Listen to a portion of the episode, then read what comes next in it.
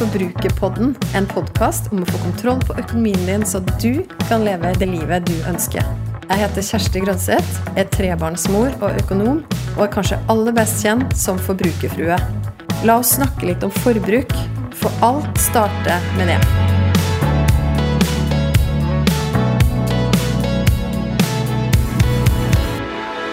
I dag i Forbrukerpodden så sitter jeg fysisk i studio. Og det er litt sånn ekstra stas, for nå har jeg jo spilt inn eh, veldig masse hjemmefra, og også veldig masse episoder bare med meg sjøl. Det er fint på en måte, for da får jo jeg sagt litt hva jeg har på hjertet, og, og delt kanskje enda mer fra, fra, meg og mitt liv, men så er det ekstra stas også å endelig kunne invitere gjest inn i studio igjen. Og i dag så har jeg en gjest som jeg har hatt på blokka veldig lenge, og endelig sitter vi her. Og jeg gleder meg masse til denne dagen for å snakke med og invitere inn i studio Ingrid Bergtun. Velkommen til Forbrukerboden. Tusen takk. Hyggelig å få være gjest. Altså Ingrid, Vi snakka litt om det før vi gikk på lufta her, at uh, vi føler jo på en måte at vi kjenner hverandre litt. Fordi mm. vi har mhm. fulgt uh, hverandre ganske lenge i sosiale medier. Mm. Og så er det veldig hyggelig å endelig kunne møtes. Ja, veldig. Det er rart med sånne vennskap, liksom, fordi man engasjerer seg i hverandres innhold. Og ser så store deler av livet til hverandre, og så har man liksom aldri møtes. møttes. Det er rart. Hyggelig, Vel, veldig hyggelig å ha deg her. Og du er jo, Ingrid, gründer, forfatter, håndarbeidsentusiast. Ja. På profilen din på Instagram så tror jeg det står 'gi meg alt av håndarbeid'. Ja. Og influenser er du, og gjenbruksekspert. Altså, vi kunne jo nevnt masse. Du har jo også inspirert meg utrolig mye. Jeg sa det til deg også her i sted at eh, jeg har så lyst til å prøve å endelig lære meg å sy også. Og det kommer fra deg. Der har jeg blitt inspirert. Å, så gøy å høre. Det må du bare kaste deg ut i, da. Men hvis jeg skal kaste meg ut i det, da, er, for det føles jo som et litt sånn helt eget fag. Jeg har faktisk en symaskin, jeg bare får den ikke helt til å funke. Jeg vet ikke helt hvordan jeg skal trene nåla, faktisk. Så, Der er det jo YouTube med en gang. Ja. YouTube. I hvert fall hvis den, Du må finne ut om den funker eller ikke. Noen litt sånn gamle symaskiner er helt sinnssykt bra, men de bare trenger en service eller trenger litt kjærlighet. Og så er de bedre enn de nye, billige symaskinene man får kjøpt, f.eks. Ikke sant? Så det er egentlig rett og slett bare å komme i gang. Ja. Og så gjør det litt sånn For jeg elska jo faktisk å sy, det var jo veldig enkle prosjekt, da, men typ tilbake på barneskolen og sånn. Ja. Men jeg syns det var gøy. Og så gjør jeg jo Det jeg gjør litt sjøl nå, det er jo sånn håndsøm, hvis f.eks. jeg har fått hull i en sokk eller i en genser eller sånn. Mm. Der kommer også inspirasjon veldig mye fra der, skjønner du. Oi, det er gøy å høre. Herregud, så kult. For det er jo et helt stort tema. Altså det ja. her med hvordan man kan ta vare på tinga. Nå er vi litt inne på det, da. Gjenbruk. Mm. Du og Ingrid har jo gitt ut en hel bok om mm. det med gjenbruk. Ja, og vi prøver å gjøre det så enkelt som mulig for folk å kjøpe brukt. For det er jo en grunn Jeg tror mange vil eh, skaffe seg en mer bærekraftig garderobe. På samme måte som Eller i hvert fall når man ser alle de tingene i media om dagen. Om hvor stort problem klær er for klimaet. Men så er det kanskje litt vanskelig. Man vet kanskje ikke helt hvor man skal begynne. Man har kanskje gått inn i en bruktbutikk, og så bare Oi, hva, her fant jeg ikke noe, liksom. Så det er målet med den boken, at den skal være gjøre det superenkelt å kjøpe brukt. Og hvis du skulle sagt bare sånn helt 1, 2, 3, hvordan kom i gang da med det? Hvis man tar utgangspunkt i enten noe man har allerede, som du ser at kanskje du har arva det, kanskje du har det fra en annen eh, tid. Og det her kunne jeg jo gjerne tenkt meg bare gjort litt om på. Hva, hvordan kan man starte? Det er litt sånn som du, da. Bare bruke Hvis det er å gjøre om på et prosjekt, så er det håndsyn og tråd, og bare lek deg litt med det, liksom. Prøv å ta, hvis det er, Ofte er det jo bare små justeringer som skal til, siden det er litt stort. Kanskje man bare kan ha et belte i livet på en kjole. Det er liksom veldig mye man kan gjøre med bluser og topper som ikke egentlig trenger sying. Og hvis man trenger å sy, så er det mye man kan fikse med nål og tråd. Og så eh, er det jo veldig gøy da, med symaskin og kunne liksom gjøre store forvandlinger. Men det trenger ikke alltid å være det. Det kan være veldig små ting. Hmm. Ja, Det er veldig oppmuntrende å høre. For det, det høres ut som det er veldig sånn lavterskel. Ja. Som man kan få til uten å For jeg ser jo på deg og dine kollegaer, sånn som også i Fabric, og sånn, som, som lager mønster, åpenbart, og klipper ut og syr og redesigner sånn ordentlig, ordentlig. Mm. Og det kan jo føles litt sånn ok, det er en egen business, på en måte. Ja, der må du sette av litt tid, kanskje. Men vi prøver å gjøre det så enkelt. Vi har jo vi prøver å senke terskelen der også, men da er det det du må ha lyst til å gjøre. da, Lære deg å si ting fra bunn.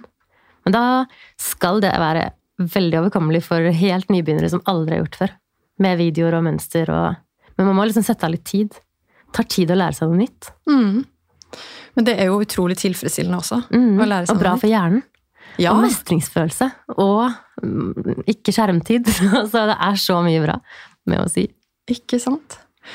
Og så er det jo det her at selvfølgelig det med å leve bærekraftig og være økonomisk, det går jo Mm. veldig hånd i hånd. Veldig. Og jeg veit jo at du også er relativt bevisst på økonomiske valg. Kan du si noe om det? Altså hvordan, hvordan det ser ut for deg? Altså hvordan bærekraftige og økonomiske valg går litt sånn hånd i hånd?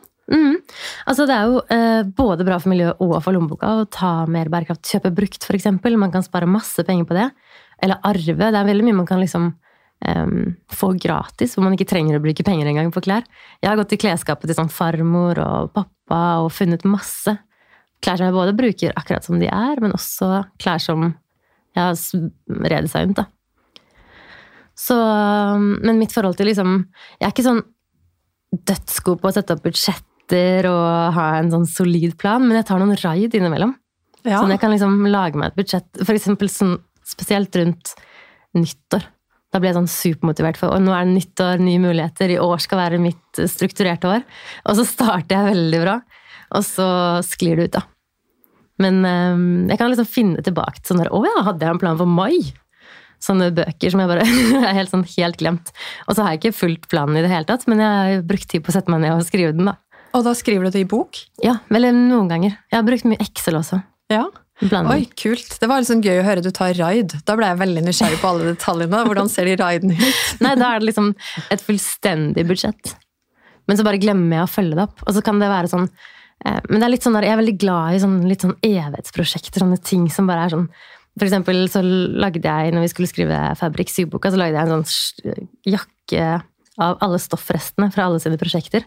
Og det er sånn egentlig et unødvendig stort prosjekt å putte inn i den boken. Det er jo stor jobb å skrive bok eh, i første omgang. Og jeg skulle lage en hack av Jenny, sitt, eh, Jenny sin jakke, og så tenkte jeg sånn, hvor gøy er det ikke å lage sitt eget stoff av stoffrester. Så da sydde jeg sammen av masse små firkanter og brukte én måned på bare den ene, ene jakka. Det er sånne ting jeg setter i gang. Og da måtte jeg jo fullføre, for det var bok. Men sånn som budsjettene, da. Hvis jeg lager liksom en plan hvor Og det er vanskelig å forklare, men jeg lager liksom Si jeg på en måte forplikte meg til å fylle inn hver dag, liksom. Sånn type opplegg, liksom, hvor det er helt sånn på detaljnivå.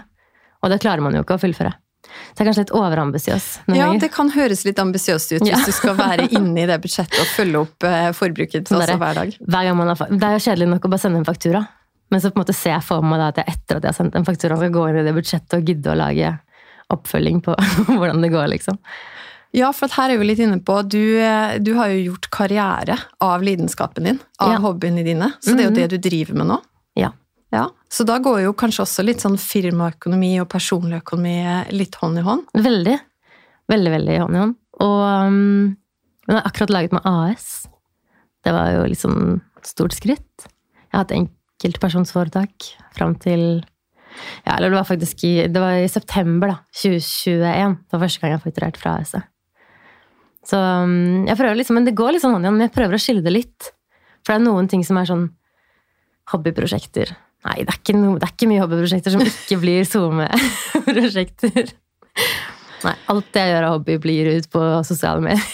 Ja, ikke sant? For du begynte jo på et tidspunkt altså jeg tror Da jeg ble kjent med deg på Instagram, så het du jo til og med Ingrid Bergtun Syr. og -hmm. Det var der det starta. Og Ja. så har du begynt å strikke også. Ja, eh, gi meg alt av håndarbeid. Og brodere. Jeg har også sett broderi. Mm. Ja, Det er jo utrolig. Det er liksom også tilbake til barneskolen, føler jeg. Mm. Liksom det var, da lærte vi det. Ja.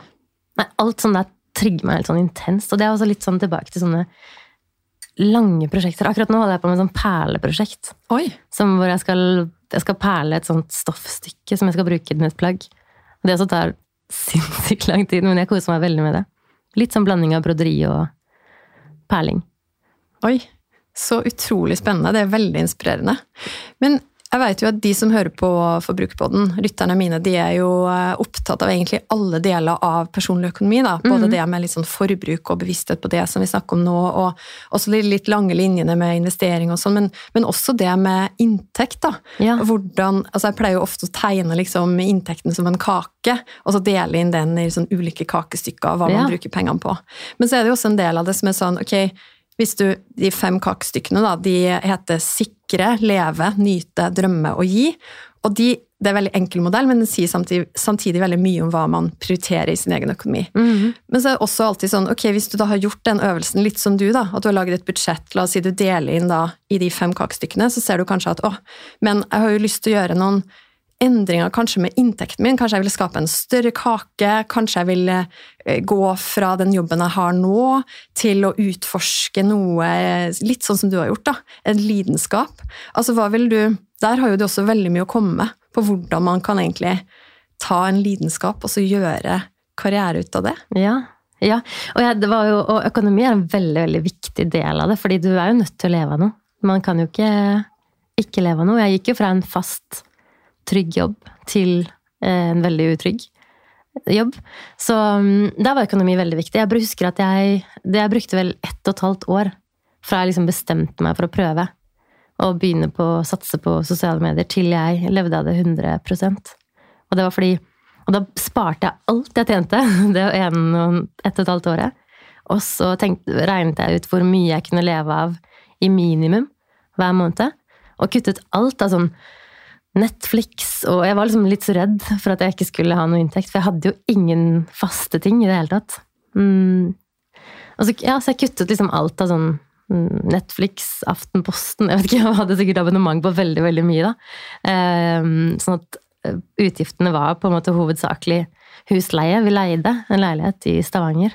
Um, ja, så det var liksom noen av grepene jeg gjorde. Og så tenkte jeg sånn Herregud, jeg har ikke barn, jeg eier ikke leilighet. jeg har ingen, Det er liksom ingenting som Hvis ikke jeg skal gjøre det nå, når skal jeg gjøre det da? Liksom. Og så um, Men jeg tok eh, Og så gikk jeg gradvis. Jeg tok permisjon fra jobben sånn Eller jeg jobbet 60% et halvt år. Og så tok jeg ett års permisjon, bare for å se om, om det gikk, da. At jeg hadde jobben å komme tilbake til. Eh, men så sa jeg opp etter det året, for da så jeg at det funket. Og så har det på en måte bare funket siden. Men hvis ikke det hadde funket, så hadde jeg jo hatt masse trygghet og masse erfaring og en spennende opplevelse, sikkert. Så kunne jeg jobbet i den andre jobben. Men det krever jo ganske mye også mentalt, og mot, ikke minst, for å, for å gjøre en sånn helomvending som det. Ja. Og jeg hadde nok ikke en så klar plan. Jeg hadde veldig mye passion. Jeg hadde veldig drive og veldig trua på, på at dette kom til å Jeg snakket med mange som var litt sånn ja, ok, lykke til. Det går sikkert bra. Og alle heiet, men de var liksom, jeg skjønte at de var litt sånn ok. Skal, skal, du leve av å sy? Skal du sy klær til folk, da? Eller skal du reparere? Det var absolutt ikke planen. Jeg skulle jo sy til meg selv og vise frem og inspirere. Så det var veldig vanskelig å forklare. Jeg tror ikke jeg hadde fått med en investor på laget. Jeg tror businessplanen var litt sånn eh, oppi hodet mitt, liksom.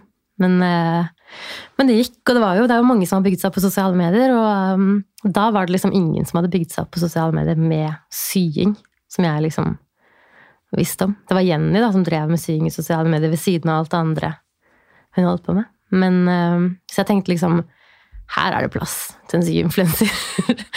Mellom liksom ingenting og Jenny der, så er det plass. Og så um, tenkte jeg ja, bare jobbet jeg som med å bygge opp Instagram-profilen min sånn som man jobber med hvilke som helst Instagram-profiler. Med et veldig sånn klart tema, da, som var sying. Og het Ingrid Bergtun Syr. Det er, så, det er så gøy å høre litt om, eh, om den reisen også fram dit. Og jeg tenker jo litt sånn her det her er jo faktisk skrevet litt om i, i, boka mi også, under det kapitlet som handler om å, om å gjøre denne kaka større, da. Om mm. å øke inntekten hvis det er det man vil. Jeg bare tenkte på det nå, et avsnitt jeg har der som, som handler om hvilke stemmer man lytter til. Ja. Altså Der er du litt inne på det nå, at det var egentlig ingen som hadde trua. Men var det noen som likevel altså Hvor viktig var det for deg, hva andre folk rundt sa? Jeg, det var på en måte viktig for meg, men ikke ikke. Også fordi de nærmeste, sånn som samboeren min og sånn, det var ingen som var veldig Jo. Um, han uh, svigerfaren min, han var sånn Nei, det er, tror jeg, hvordan? Dette skal, hva skal du leve av, liksom? Han skjønte ikke. Skjønte ikke i det hele tatt. Og var veldig sånn Dette var rart. Og da, så han var liksom den eneste, og det syns jeg var litt sånn fint, fordi det var veldig mange som var sånn Å, så gøy da, Ingrid! Så kult! Så, og så tenkte jeg sånn Det var mer motiverende at han var negativ, fordi, eller skeptisk, da. For da kunne jeg liksom motbevise. For de andre var liksom bare sånn Heia deg, liksom. Og det var hyggelig, men det ga meg mye mer motivasjon å skulle motbevise han. Ja, det er interessant. Ja, er ikke det litt rart? ja, det var interessant. Men man vet liksom aldri om folk bare heier for å heie, eller Vi er jo veldig sånn trygge i Norge. Vi har mye sånn Altså, hvor galt kunne det gå? Jeg skulle ikke ta opp masse, masse lån for å investere i noe. Jeg skulle bare kanskje ha litt dårlig inntekt en periode. Jo, men jeg tror likevel bare det, da. Altså bare i hermetegn. fordi at det kan jo være en veldig stor ting for mange. Ja. Og også det, men bare det mentale. Ja, det altså å putte det å, seg ut der. Det Ja. var liksom kanskje, men det syns jeg var på ekte veldig skummelt. Sånn det å Hei, jeg heter Ingrid, og jeg skal prøve å leve av å sy. Eller liksom eller, eller bare sånn Hei, se på det jeg har sydd. Kom og se på liksom Den der se på meg-kulturen med Det syns jeg var litt ekkelt. Og så I starten så husker jeg jeg sendte bilder til eh, bestevenninna mi og var sånn Kan jeg legge ut det her? Og da hadde jeg sydd en jakke, liksom. Selvfølgelig kan man legge ut det. Men, men det var litt sånn Er det teit, eller funker det? Eller, og så lagde jeg en helt ny Instagram. Jeg bygde ikke på den Instagrammen som jeg hadde hatt fra jeg var 20. Som, hvor egentlig alle vennene mine var, da. Som har vært et mye bedre fundament enn helt fra scratch. Men det turte jeg ikke. Du, det er fint å høre. Det er veldig fint, og veldig, jeg blir veldig inspirert. Og jeg tror ikke jeg har hørt så mye av den historien, liksom, hvordan det skjedde fra starten. Så det, det, er, veldig, det er veldig interessant å høre. Og så tenker jeg jo at én ting er jo det, det er mange ting jeg liker med deg, da, og profilen din. Og det ene er jo at du gir jo veldig sånn verdi. Og bare det å kunne ta mer bærekraftige valg og helt sånn lavterskel hvordan eh, Hva var det siste tipset som jeg beit meg merke i nå? Det var hvordan fjerne nuppa fra Ja. ullgensere, f.eks. Ja. Altså veldig sånn Som også går veldig hånd i hånd med det som Forbrukerfrue og Forbrukerpodden står for, da, og, og eh, ta gode økonomiske valg også. også men så var det jo så En annen ting jeg liker, er jo at du eh, trekker fram sånn viktige saker, da.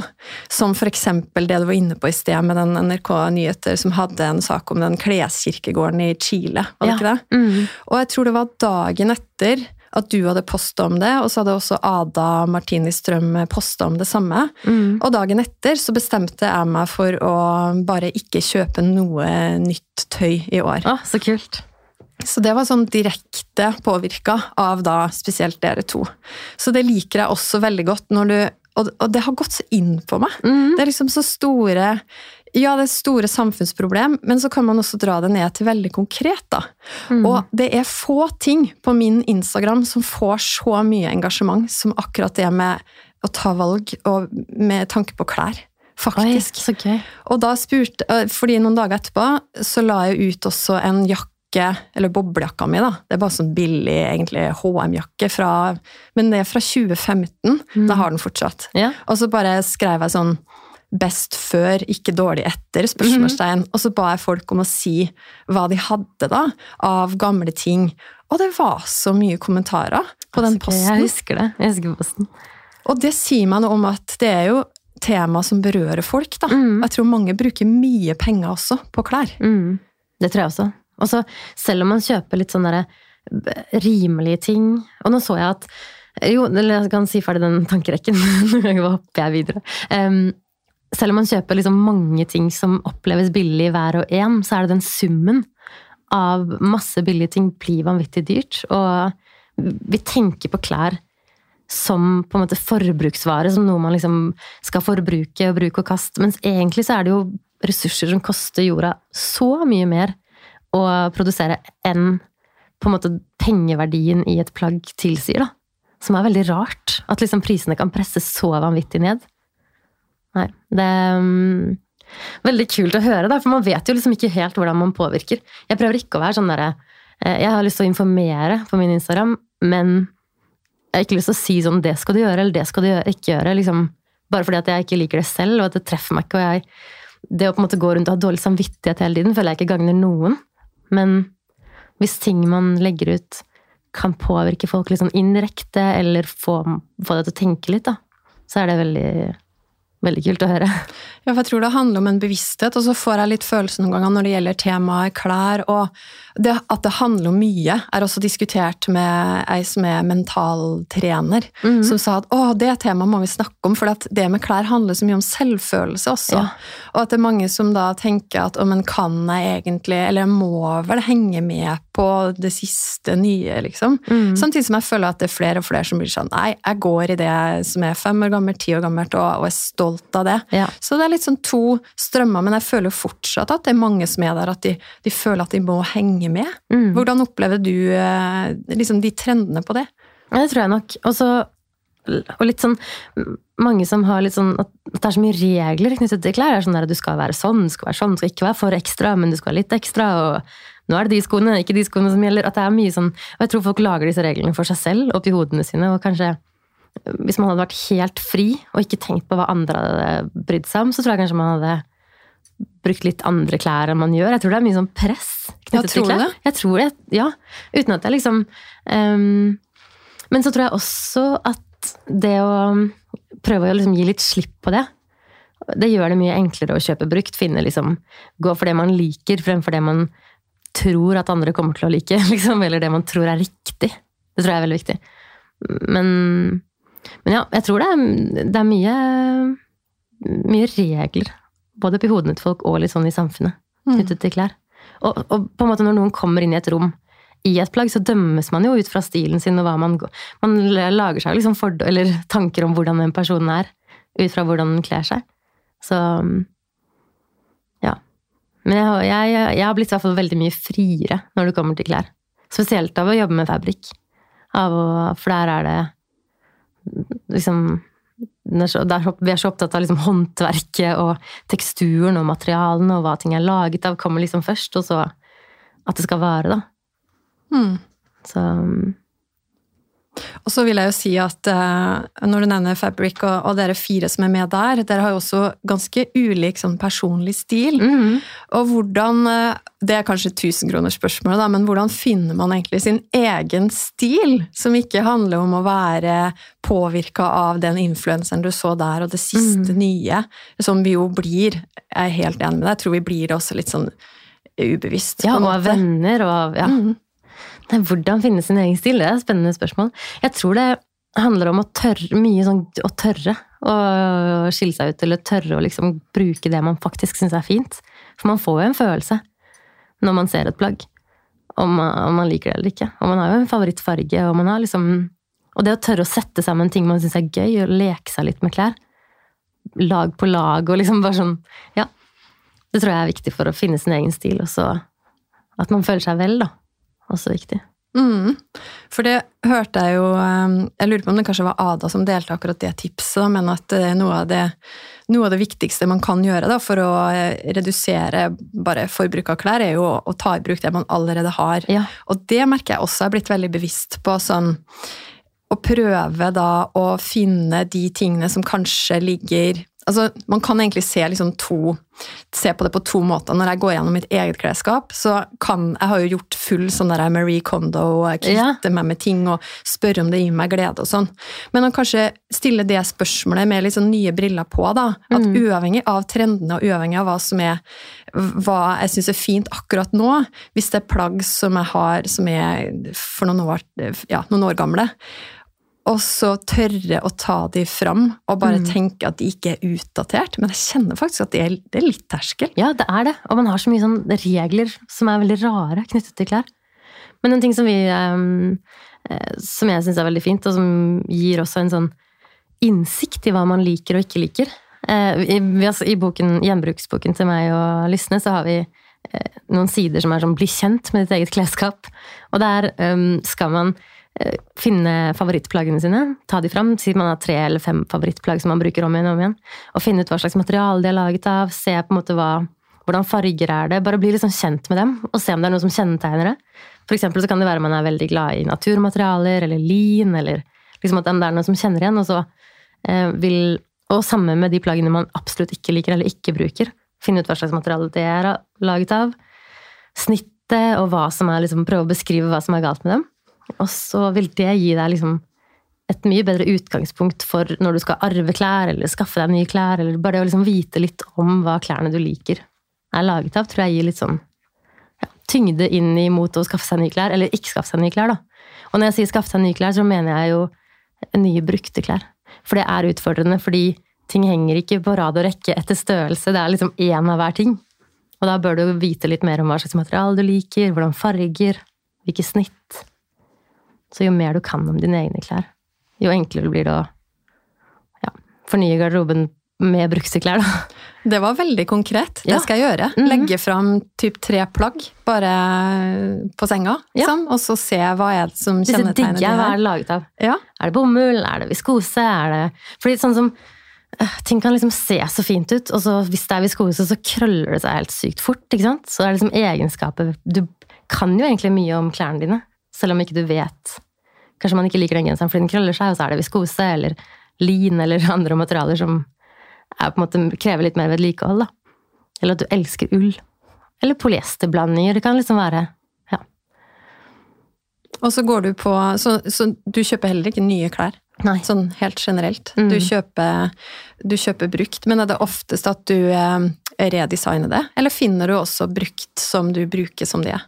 Mm, Jo, mye at jeg finner brukt som jeg bruker som det er også. Men er det da type sånn um, at du kjøper fra folk, f.eks. på Finn eller Tice, eller sånne type ting? Fra Ja. privatpersoner som kanskje de, eh, kanskje de var fra i fjor, da? Eller er det mer sånn du går eh, Du var jo litt inne på det i farmorskap, eller går Mm. på sånn Fretex og gjenbruksbutikk og kjøper mer sånn litt eldre Det er sånn begge deler. Noen ganger hvis jeg er spesifikt ute etter en ting, for jeg også blir jo inspirert av folk på sosiale medier, og, og hvis jeg ser liksom, hvis jeg er spesifikt ute etter et par sko, da, for eksempel, så kan jeg gå på Tice eh, og finne det. Der er det mange som selger ting. Og det er sånn, litt sånn tullete, for det er ikke så veldig bærekraftig, men folk kjøper kanskje feil størrelse, eller så selger de liksom nesten nye ting, da. Men det er litt mer sånn spesifikt. Og så elsker jeg å gå på skattejakt i sånn familiemedlemmer sine klesskap. Det er, det er det morsomste. Jeg og farmor hadde det sykt hyggelig en dag når hun skulle flytte til en litt mindre leilighet. Og da drev hun og fortalte meg sånn Ja, den der er Og hun var liksom opptatt av at noen ting var sånn Den der var veldig dyr da jeg kjøpte den, så den den var jeg så Pyntet jeg meg skikkelig, liksom. Var sånn, det var veldig gøy å høre hva hun tenkte. Og det var helt andre ting enn det jeg hadde på en måte tenkt hvis jeg skulle vært alene og lett gjennom klesskapet hennes. da. Så de klærne er mine favorittklær. Ja, det skjønner jeg, og det var også sånn veldig godt tips hvis Ja. man har familiemedlemmer da, som eh, også kan være med å fortelle historien. Ja, det er så hyggelig. Nå kom jeg på at du var jo i den her Godt brukt-spalten i A-magasinet, Ja, og da hadde du på pappaen din sin genser. Og det har jeg faktisk tenkt på, og åh, du, nå ble jeg inspirert Mhm. til å faktisk finne fram noen sånne 80-tallsskatter. Ja, og ting går så i loop, så det er liksom virkelig ingen grunn. Du kan finne det nye, hotteste moten i farmor sin farmor klesskap. Så ja. Og de klærne til pappa, sånn, da jeg begynte å sy, så det, gikk det så vilt hardt utover hans skjorter. For han er sånn som tar vare på ting på loftet, liksom. Så alt ligger der. Så jeg kunne bare hente fram nesten en garderobe med fargerike skjorter. Som jeg bare sydde til alt mulig rart av bluser og topper. Og det hadde jeg veldig gøy med. Fantastisk. Men det tenker jeg er en oppfordring til deg som hører på nå også. Hvis du har noen familiemedlemmer som du har en mistanke om at kan ha noen sånne goodies liggende fra et eller annet tiår, bare inviter deg sjøl på besøk, og få gjerne med historiene på, på kjøpet. Du, Det er så hyggelig å ha deg her. Vi skal snart eh, gå inn for landing av denne episoden. Men eh, jeg må spørre deg, for at du, eh, du har jo blitt forlova Ja. og skal gifte deg. Mm. Og da må jeg bare spørre litt om det sånn til slutt. Jeg vet at du har fått spørsmål om det også fra følgerne dine, om du har satt opp et budsjett Ja. for bryllupet. Det fikk vi spørsmål om. Og selv om jeg er liksom en surrekopp, som ikke Jeg kan være strukturert, veldig, veldig, men ikke så god til å følge. Som vi skjønte i stad. Så er samboeren min han er veldig strukturert. Så det første han gjorde da vi skulle begynne å planlegge bryllupet, var å sette opp et budsjett. Og der er det sånn Excel-ark som hvis vi endrer antall gjester, så endrer budsjettet seg. Det er, liksom, det er jo superfancy. Så um, der har vi full kontroll. Og så um, eh, Og det er liksom eh, budsjett som har tatt høyde for at ting er kanskje litt dyrere enn det er. Og så er det jo, blir det på en måte litt konkurranse, da. Å gjøre det så rimelig som mulig. Men eh, at vi fortsatt får et bryllup som, sånn vi vil ha det. Så det koste dere litt med budsjett, eh, Ja, da han liksom hadde ferdig utfylt det, så koste jeg meg litt med å endre tallene. Og... Men selve lagingen av det er ikke så Nei. Nå kommer du sikkert til å få masse henvendelser sånn, kan jeg få den malen? Ja, men- sånn bryllupsbudsjett. Ja, men da det. Nisjeprodukt. Ja. Hører med Martinus. Veldig bra. Hotellet hans heter han på Instagram. Send Ikke sant? han. Spør han. Send melding til han. Spør om den bryllupsbudsjettmalen. Og så må jeg selvfølgelig bare spørre om eh, kjolen. Du Ja. kan jo ikke si noe mye om den, selvfølgelig. Men, Jo da, eh, den kan jeg si masse om. Ja, du kan det. Ja, ja, ja. Den øh, Jeg skal sy den. Skal du sy den? Jeg skal Og det har jeg ikke fått med meg. Det er sant. Ja, jeg skal sy den. Og så har jeg skaffet meg um, en Og det er så mye brukte brudekjoler. Det er så mye. Nå skal Fretex ha en sånn derre brudekjolemesse på, hvor de samlet inn over på en måte en tidsperiode masse brudekjoler, og så skal de selge. Så jeg skal lage den av noen gamle brudekjoler. Jeg, liksom, jeg har skaffet meg en sånn 80-talls brudekjole som er helt sånn vill, med bare masse perler, glinsende stoff og helt sånn lag på lag på lag. Og den har sånn, jeg skal bruke detaljene fra den, for den er veldig gøy. Og så har den sånn spisse skuldre. Har du sett sånne Ja, ja. litt sånn puffermer, men med spiss? Så nei, den er helt rå, syns jeg. Så eh, de skal jeg bruke detaljene fra. Og så har jeg ikke bestemt meg helt for hvordan den skal liksom designmessig være, da. Men jeg har skaffet materialer. Åh, så utrolig spennende. Det jeg gleder jeg meg til å følge med på. Ja, så jeg skal bare blokke Martinus, og så skal jeg sy den på Instagram. Ja. Tenkte jeg. Ok, men hæ? Er du sikker på at han ikke kommer seg inn? Eller han, han vil ikke det heller? Han vil jo ikke nei, se den. Nei, nei, nei. Jeg, nei, og det syns jeg er så gøy, og så får jeg så mye tips, og, og så det, Jeg koser meg så med den. Jeg kan sy i story med Og så legger jeg ikke ut noe feed, da.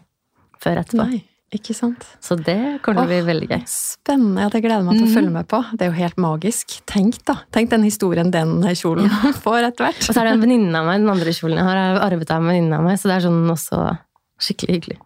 At hun giftet seg i den, og så skal jeg gifte meg i den redesigna versjonen av den. Wow. Du, så fint. Du, jeg bare ønsker deg masse lykke til med det prosjektet. Det må du jo også lande. Mm, det må også lande.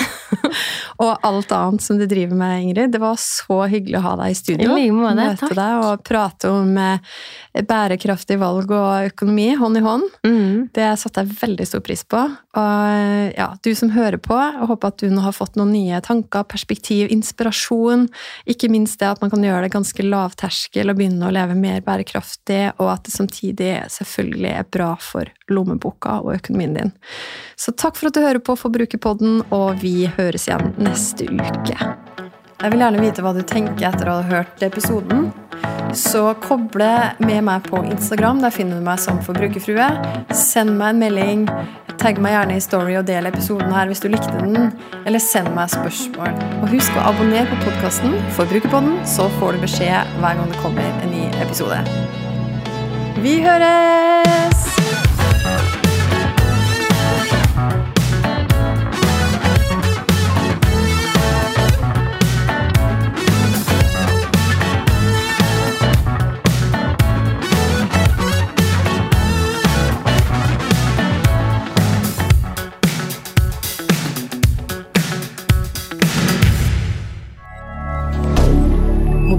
D'accord.